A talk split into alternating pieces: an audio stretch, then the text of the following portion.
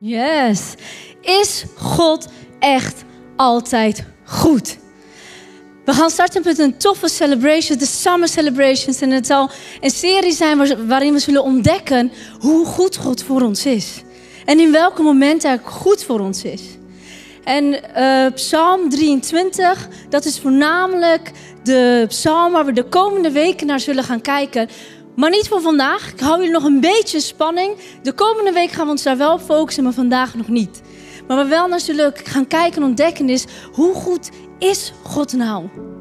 En jullie kennen vast wel Psalm 23. Het is echt een van de bekendste psalmen uit de Bijbel. En in Psalm 23 leren we over de goedheid van God, over de manieren hoe God goed voor jou en voor mij kan zijn. En je hebt vast wel toen je opgroeide allemaal verhalen gehoord over God. En twee dingen kwamen altijd terug. Hij is groot en hij is goed. Maar is God echt altijd goed? Is hij goed wanneer je pijn hebt? Of wat nou als je door een depressie heen gaat? Is God dan nog steeds goed? En wat nou als je een strijd meemaakt? Of het nou een fysieke of een mentale of een emotionele strijd. Is God dan nog steeds goed? Als je zorgen maakt, als je stress hebt, als je door een hel heen gaat. Is God dan nog steeds goed?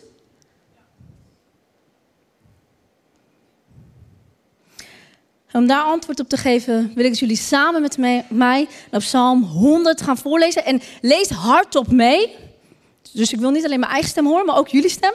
Komt-ie. Psalm 100, vers 5. De Heere is goed voor ons. Zijn goedheid reikt tot in de eeuwigheid. En hij blijft trouw van generatie op generatie op generatie op generatie. En dat is het antwoord op de vraag: is God echt altijd goed? En het antwoord is ja, hij is altijd goed. En in deze leidende message voor de Summer Celebrations over Gods goedheid wil ik jullie laten zien waarom focussen op Gods goedheid zo belangrijk is. En waarom we er nooit moeten vergeten om ons altijd op zijn goedheid te blijven focussen. Want als we ons niet meer op zijn goedheid blijven focussen, wat gebeurt er dan? Stress, zorgen, Depressie zelfs. Het gebrek aan focus op Gods goedheid is een van de belangrijkste oorzaken van stress in je leven. Dus zo belangrijk is het dat je blijft focussen, maakt niet uit in welke situatie je bevindt, dat je blijft focussen op Gods goedheid. En een manier om Gods goedheid te begrijpen, vertelt ons de Bijbel. Dat is niet alleen maar door te lezen of, of, of, of, elke zondag naar de kerk te gaan. Maar het is het volgende. Lees met me in Psalm 34. Daar staat, heb diep ontzag voor de Heer, alle gelovigen. Zijn er hier allemaal gelovigen aanwezig? Heb diep ontzag voor hem. Want wie hem dienen, zullen nooit gebrek lijden. Als je het beste in het leven wilt, begin God te dienen. Begin hem te aanbidden. Worship, aanbidding, is niet alleen liedjes zingen. Dat is echt met heel je hart, heel je ziel, heel je verstand van hem houden en hem dienen. En zo ontdek je ook Gods goedheid. Het is een manier hoe je zijn goedheid kan ervaren in jouw leven door hem te aanbidden. Worship opent de deur voor Gods goedheid in jouw leven. Zijn jullie ready voor de allereerste punt?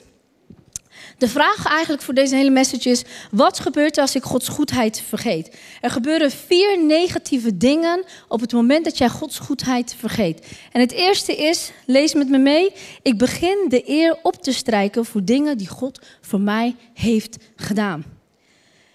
Dus wat God voor mij heeft gedaan, wat Hij door me heeft gedaan, wat Hij in me heeft gedaan, ik begin alle eer op te strijken, komt door mij. En als je dat doet, dan sla je een route in die voor heel veel depressie, heel veel stress en heel veel zorgen kan, uh, uh, uh, kan veroorzaken.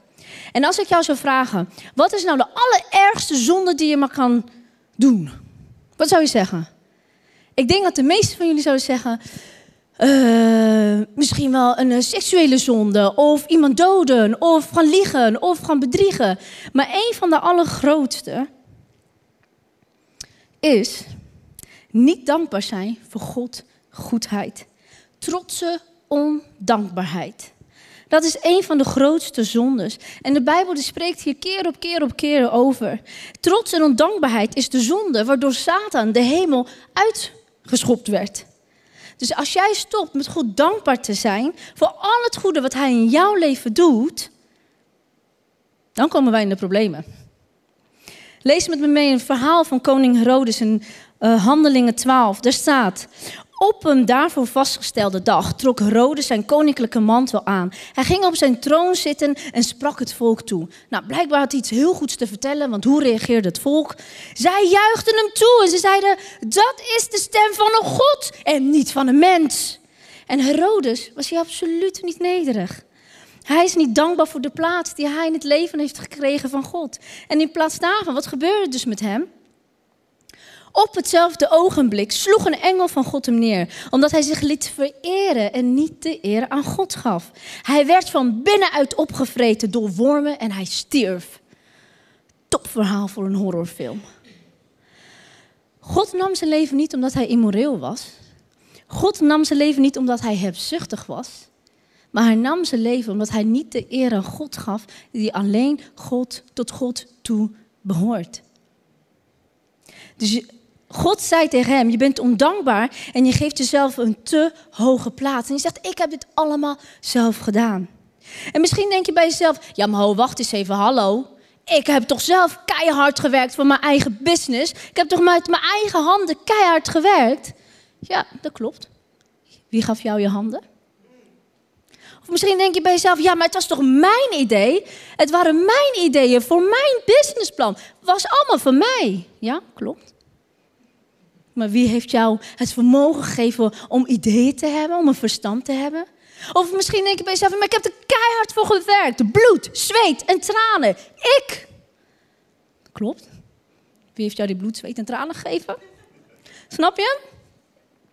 Geef de eer aan God. Alles wat je in je leven hebt, heb je aan God te danken. Alles wat goed is, alles wat volmaakt is, alles wat goddelijk is. En zonder de goedheid van God zouden jij, en hier, zouden jij en ik niet eens hier zitten zonder zijn goedheid. Het is zo belangrijk dat wij ons altijd blijven focussen op zijn goedheid. Jij en ik zouden niet eens onze volgende adem kunnen halen als er niet aan de goedheid van God lag. Heb je hem? Gods goedheid is belangrijk. En hij zegt, ik wil dat je mij dat je dankbaar bent naar mij. Ik wil dat jij mij eert. Dat je mij de plaats geeft die mij toebehoort. Maar bovenal, ik wil dat je weet, ik ben goed voor jou. Lees met me mee wat er verder staat in Romeinen 1. Op het moment dat wij onze dankbaarheid niet meer uiten naar God en alle eer naar onszelf strijken. Er staat, God is wel onzichtbaar, maar uit alles wat hij geschapen heeft, uit alles wat hij geschapen heeft, blijken zijn eeuwige kracht en goddelijkheid. Want sinds het ontstaan van de wereld is zijn, is zijn bestaan duidelijk te herkennen uit wat hij gemaakt heeft. En daarom hebben de mensen geen enkele verontschuldiging. Wist je dat ondankbaarheid eigenlijk een van de wortels van atheïsme is? Ondankbaarheid. Dat als ik ondankbaar ben, dan begin ik excuses voor mezelf te maken. En begin ik zelfs af te vragen: ja, maar bestaat God überhaupt wel? Dus we hoeven bijvoorbeeld niet eens de Bijbel te lezen of te openen. We moeten wel de Bijbel lezen natuurlijk. Maar we hoeven hem niet te openen om te weten van, bestaat God überhaupt? Ik bedoel, ga naar buiten. Kijk eens naar de natuur. Kijk naar de dieren. Kijk naar de planten. Kijk naar de bloemen. Je kan al zoveel over Gods karakter gaan ontdekken. We weten dat hij van afwisseling houdt. Er zijn zoveel verschillende planten en bloemen. Dat is niet normaal. Of kijk naar al die, naar het universum. Wat denk je daarvan? Hij heeft het planetenstelsel, het dierenstelsel en het sterrenstelsel gemaakt. We weten dat God machtig is, gewoon door te kijken naar de natuur. We weten dat hij groot is. Of kijk eens naar de oceaan, of kijk naar de orkanen, hoe krachtig en machtig die wel niet zijn. We kunnen al zoveel over Gods grootheid en goedheid ontdekken door puur te kijken naar wat Hij gemaakt heeft. Hoe bijzonder is dat? Zoveel kunnen wij al over God weten. Dus eigenlijk moeten jij en ik onszelf voor de gekken houden om te zeggen: nee, God bestaat niet. Als je een creatie hebt, heb je ook een een creator? Heb je ook een schepper? Het kan niet zo zijn dat je zegt: Oh, ja, ik ben deze tegengekomen. Zomaar uit het niets, boem, het was er. In een biljoen jaar tijd zou een mobieltje, gewoon even iets heel simpels voorbeeld, zou dat niet zomaar kunnen ontstaan. Als je een creatie hebt, heb je ook een creator, heb je ook een schepper. En vergeet niet om hem de eer te geven die hem toebehoort. De Bijbel zegt het volgende: Hoewel de mensen in staat waren God te kennen, wilden zij hem niet de eer geven die hem toekomt en hem niet eens danken voor alles wat hij heeft gedaan. Want zij hielden zich met allerlei ideeën bezig. In hun verdwazing raakten zij het spoor bijster. En hoewel zij dachten dat ze alles wisten, waren zij in werkelijkheid gewoon dom. En dat is ook het grote probleem. Zij hielden zich bezig met allerlei andere ideeën, behalve met de schepper zelf. En wat gebeurt er dan? Dan, dan glij je af naar ongeloof. En ongeloof begint dus eigenlijk niet eens met ongeloof zelf, maar het begint dus met ondankbaarheid. Nou, als je zelf, eigenlijk zou je zelf de vraag moeten afstellen: wat heb je dat God je niet heeft gegeven? Niets. Hij heeft je alles gegeven wat je nodig hebt. En als je het nog niet hebt, dan kan dit jou ook nog geven. In Jacobus 1 staat dit: Alles wat goed en volmaakt is, wordt door wie gegeven? Door God gegeven. Hij is de bron van alle licht en hij is een en al licht. En hij verandert nooit. Zijn goedheid verandert nooit. En het eerste dus wat er gebeurd is, als ik dus ontken, als ik Godsheid als ik Gods goedheid vergeet, is dat je begint de eer op te strijken. Nou, wat is de oplossing daarvoor? Dankbaarheid. Zo simpel is het. Uit je dankbaarheid naar God. Wees dankbaar voor alles wat Hij doet. Lees met me mee de volgende quote, die wil ik aan jou meegeven. En daar staat: God gaf je vandaag een geschenk van 86.400 seconden.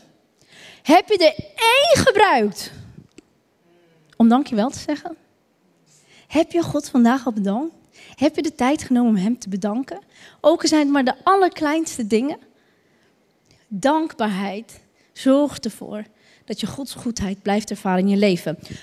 Ready voor de tweede punt? Wat gebeurt er nog meer? Ik stop met God om hulp vragen. En dat is een big issue. Want waarom? Wat gebeurt er op het moment dat we niet meer God om hulp vragen? Zelfredzaamheid. Je bent afhankelijk van jezelf. Je bent afhankelijk van de mensen om je heen. Je bent afhankelijk van de situaties. Je vraagt niet meer om hulp. En je probeert alles zelf op te lossen. Alles zelf te doen. En zelfredzaamheid zonder God is niet oké. Want God die wil jou helpen. Hij wil jou helpen. Hij houdt zo ontzettend veel van jou. En hij is zo goed dat hij jou wil helpen in elke situatie waar je ook in bevindt. Lees met me mee wat er staat erover. Matthäus 7 staat bid en u zult ontvangen waarvoor u bidt. Zoek en u zult vinden wat u zoekt. Klop en de deur zal voor u worden open gedaan. En er is niets wat te groot is of niets wat te klein is, waar God jou niet in voor wil uh, helpen. Stel hem de vraag. Betrek hem erbij. Zeg, vader, wilt u mij hierbij helpen? Bid heel specifiek. Ik heb hier een issue mee. Of ik heb daar een issue in een relatie, of op mijn werk, of mijn financiën, of met mijn kinderen, of met mijn vrienden. Wilt u me daarbij helpen? Vraag het hem. Stel je aan hem die vragen. Vraag je hem echt om hulp. Want als we Gods goedheid vergeten, weet je wat er dan gebeurt? En we hem niet om hulp vragen, dan gaan we van die lauwe gebeden bidden. Dank u wel voor het eten, zegent u het, bedankt voor de zon, amen. En eigenlijk de woorden die je zegt, het zijn maar gewoon woorden, is een beetje bla bla bla. Maar er zit geen passie in, er zit geen vuur in.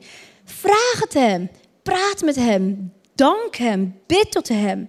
En kijk wat God, en kijk hoe goed zijn goedheid is voor jou in jouw leven, voor jouw situatie. En echt voor de aller, allerkleinste dingen. En ik wil jullie een tip geven. Begin, oefen met de allerkleinste dingen. Hoe benullig het ook voor jou lijkt. Begin ermee. Vraag dan God. Een voorbeeld. Mijn man, dus een paar jaar geleden had mijn man zijn trouwring, die kreeg hij niet meer af. En best wel heftig, want het knelde echt zijn vinger af. Uh, dus we moesten op een gegeven moment echt nadenken van gaan we nou die ring even doorzagen of niet? We moeten iets, want dat krijgt hij niet uit. We hadden van alles geprobeerd. YouTube filmpjes, we zijn zelfs naar een juwelier geweest. We hebben echt van alles, alles geprobeerd. En, en hij liep er al twee weken mee ongeveer. En op een gegeven moment zei ik tegen hem, schat, hebben ze er eigenlijk al wel voor gebeden? En hij zei, nee, nee, eigenlijk niet, nee. Ik zei, maar waarom niet? Ja, ja, weten we niet. Kom, laten we nu voor bidden. Dus legde zijn hand erop en ik legde mijn hand erop en hij begon te bidden. In Jezus' naam, dat zijn vinger dunner zou worden, zodat de ring in één keer eruit zou komen. Wat denk je dat er gebeurde? Hij kon de ring in één keer eruit halen. Twee weken lang liepen we daarmee. We hadden hem niet gevraagd. We hadden hem niet gevraagd. Dus een tip, vraag hem. Zelfs in die aller, allerkleinste dingen. Hoe onbenullig het ook is. Want weet je wat er dan gebeurt? Dan ga je hem leren vertrouwen. Ik bedoel, als God je die allerkleinste dingen gaat helpen. Hoeveelste meer zal hij je wel niet in de grootste uitdagingen helpen? Hoeveelste meer zal zijn goedheid dan nog meer zichtbaar zijn en voelbaar zijn? Nog een voorbeeld. Toen ik uh, in Den Haag werkte, ging ik met de fiets naar het station. Gewoon om jullie te laten zien hoe goed zijn goedheid is en hoe graag hij jou wilt helpen. En Leiden Centraal Station? De fietsenstalling. Verschrikkelijk. Verschrikkelijk. Ik heb vaak mijn trein gemist omdat ik geen, fiets, uh, geen ruimte kon vinden voor mijn fiets. Dus wat deed ik op een gegeven moment? Ging het vragen. Dus vlak voordat ik mijn huis uitfietste, en ook op het moment dat ik bij de fietsenstalling was, en wat ik altijd Heilige Geest, laat u mij zien welke kant ik in moet, waar één plek vrij is voor mijn fiets. En elke keer kreeg ik gedachten, de derde rij. Ik dacht, nou, zou dit echt van de Heilige Geest zijn? Derde rij, ja hoor, één plekje voor mijn fiets. En ik was op tijd voor de trein. En elke keer weer leidde de Heilige Geest mij. Ik bedoel, hoe belangrijk is dit nou? Het is niet zo heel belangrijk, toch? En toch, Gods goedheid is zelfs daarin ook zichtbaar. Hebben jullie hem? Dus eh, vraag God om zijn hulp. Nou, wat hebben wij nodig om zelfredzaamheid tegen te gaan? Vertrouwen. Vertrouwen op God. En hoe leer je op Hem te vertrouwen? Dus door Hem te betrekken in alles, alles wat je doet. En je groeit niet in vertrouwen omdat je God nergens om vraagt. Maar hoe meer je vraagt, hoe meer je God betrekt in jouw leven, hoe meer je leert om op Hem te vertrouwen. En hoe meer ook je geloof en je vertrouwen gaat groeien. En we hebben vertrouwen in God nodig. En er is een heel een zeer bekende cirkel. Ouders kennen dat misschien wel. Maar wij allemaal zijn daar doorheen gegaan toen we klein waren. En het heet de cirkel van vertrouwen. En het begint allemaal met stap 1. En stap 1 is, een kind herkent een onvervulde behoefte. Bijvoorbeeld, een kind zit onderaan van de trap en hij kijkt naar de trap en hij wil heel graag naar boven. Dat is een onvervulde behoefte die het kind herkent. Of zijn luier is vol, of hij heeft vol honger. Wat is dan stap 2?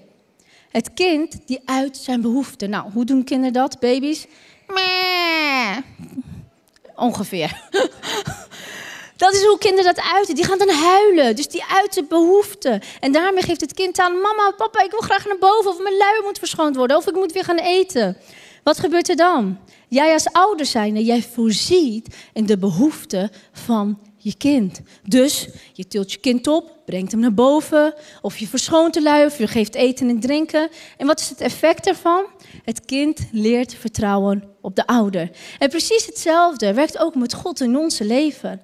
Precies deze cirkel doorlopen wij ook met God in onze relatie. We hebben een onvervulde behoefte, die uiten wij door te binnen, door uh, het aan hem te vragen. En wat doet God dan?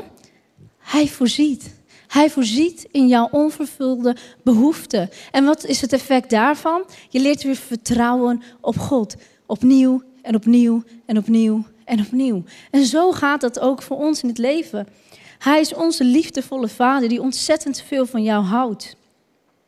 Maar als je je behoefte niet aan God kenbaar maakt, toch? Het is belangrijk dat je het kenbaar maakt aan Hem.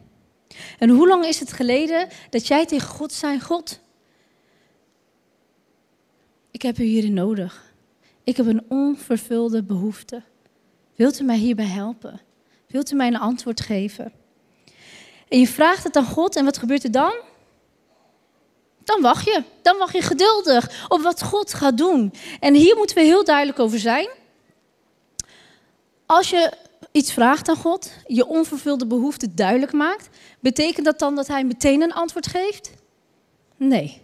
Voor alle duidelijkheid, God is natuurlijk niet zomaar een machine waar je zeg maar zo je gebedje opschrijft op papier, zo erin doet, knopje drukt en hoep, daar is het al. Zo werkt dat niet. En er zit een verschil tussen volwassenheid en onvolwassenheid, toch?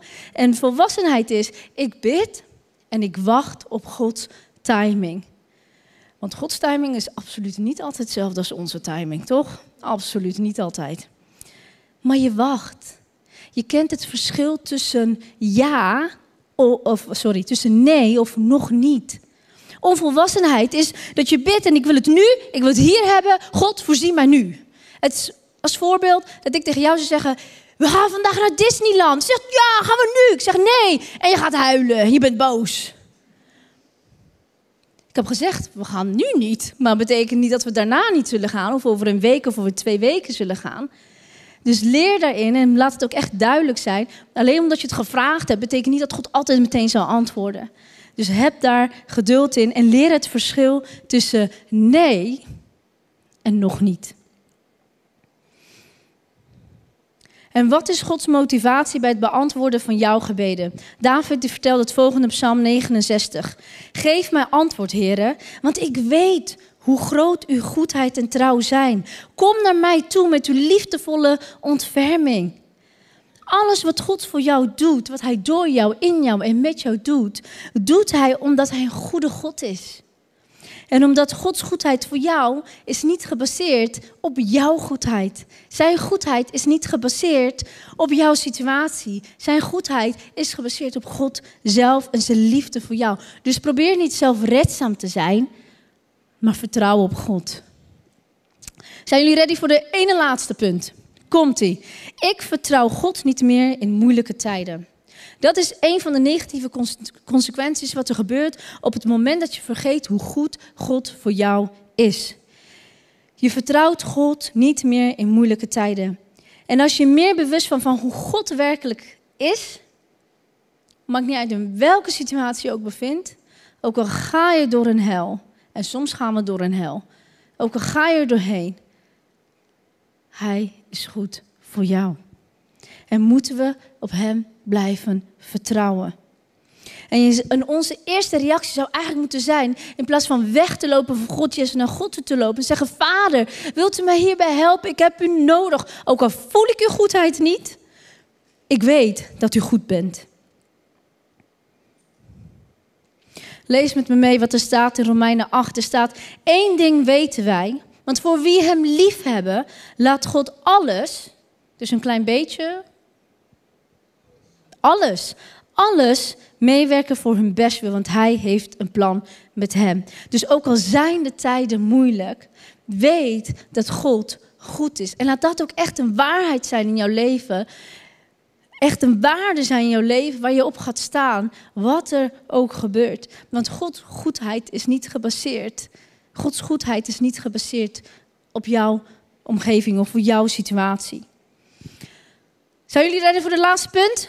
Ja? Top, gaan we. Dat is, wat gebeurt als we Gods goedheid vergeten?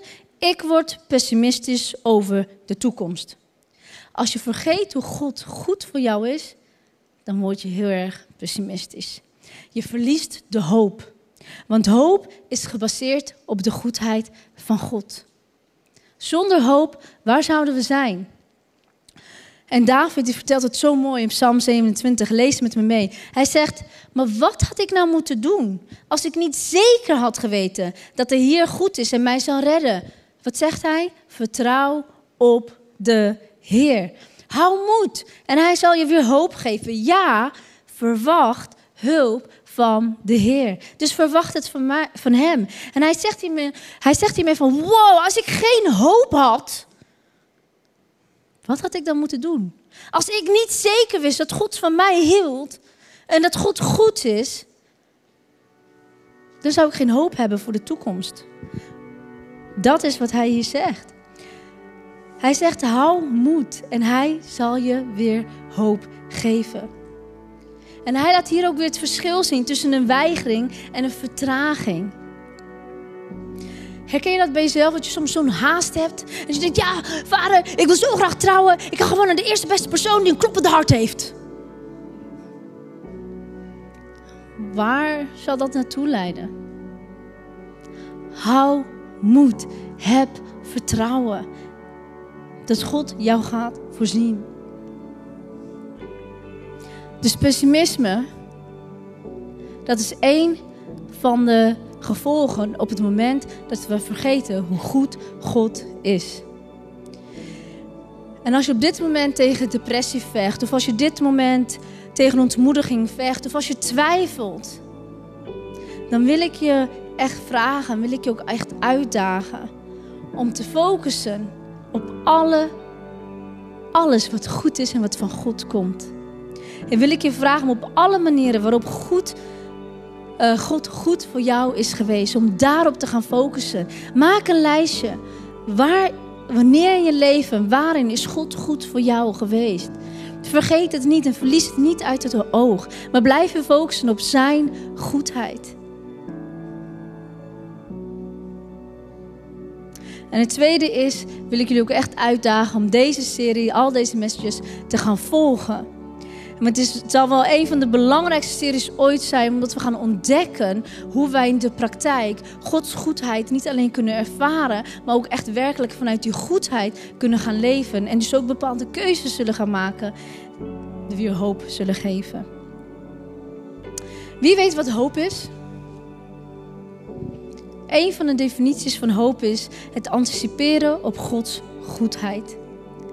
En de enige reden waarom jij en ik hoop hebben, is omdat God goed is. Als God geen goede God is, dan is er geen radicale, rationele en logische reden voor hoop. Omdat we er dan alleen voor zouden staan. Dus heb hoop, verwacht goedheid van God. Ik wil jullie vragen om op te staan. En ik wil ook echt dagen, uitdagen om te onthouden dat het, fundament van alle hoop de goedheid van God is. Want als God geen goede God is, dan hebben we ook geen, geen hoop voor de toekomst.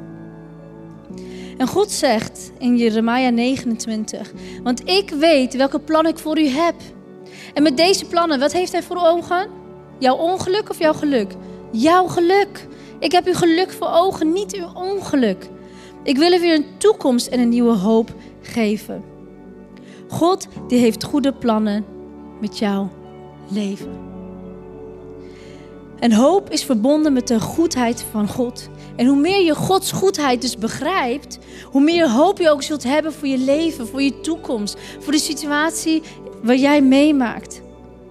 En ik wil eindigen met de volgende vers, Psalm 27 alweer. Lees met me mee en maak hem ook echt eigen als je hem voorleest.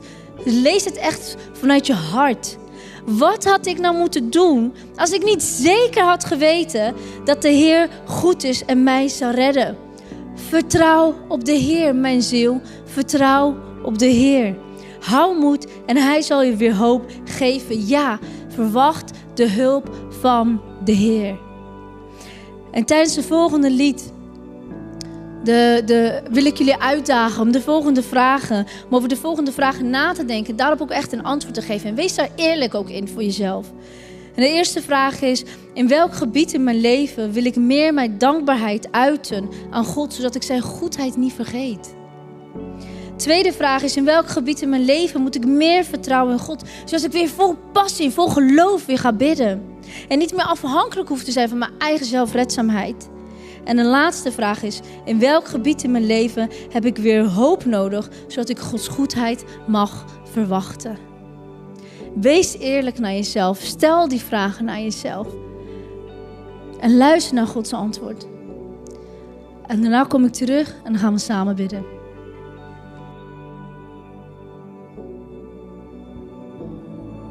Bid met me mee. Vader, dank u wel dat u zo'n goede vader bent. En vandaag wil ik de keuze maken dat wat er ook gebeurt in mijn leven, in welke situatie ik mij ook bevind, of ik nou in mijn verdriet zit of in mijn vreugde, in mijn pijn of in mijn genezing, in mijn wanhoop of in mijn hoop, in mijn onrust of in mijn vrede, u bent goed. U bent altijd goed. En u zult altijd een uitweg voor me vinden. En ik wil weer hoop hebben. Misschien hoop voor jouw relatie, of hoop voor jouw financiën, of hoop voor binnen je gezin, of hoop in jouw gezondheid. Spreek het uit naar God. Dat wat het ook is, wat je nodig hebt, jouw onvervulde behoefte, jouw nood die je hebt. Spreek het uit naar jouw maker, jouw schepper. En maak de keuze dat in welke situatie ook, God, u bent altijd goed. En begin hem dankbaar te zijn. En die keuze te maken om elke dag weer dankbaar te zijn. En mij te blijven focussen op uw goedheid en op wie u bent. Want u bent mijn liefdevolle Vader. U bent een goede God. Heilige Geest, wilt u bij ons zijn dat we de komende weken, terwijl we deze celebration, terwijl we deze serie in zullen stappen, dat we nog meer zullen ontdekken over uw goedheid en hoe we dat ook praktisch in ons leven kunnen toepassen. En hoe u, Jezus, daarin een grote rol mag gaan betekenen. En we danken u voor wie u bent en voor uw liefde. En dat u altijd een goede God bent. Amen. Amen.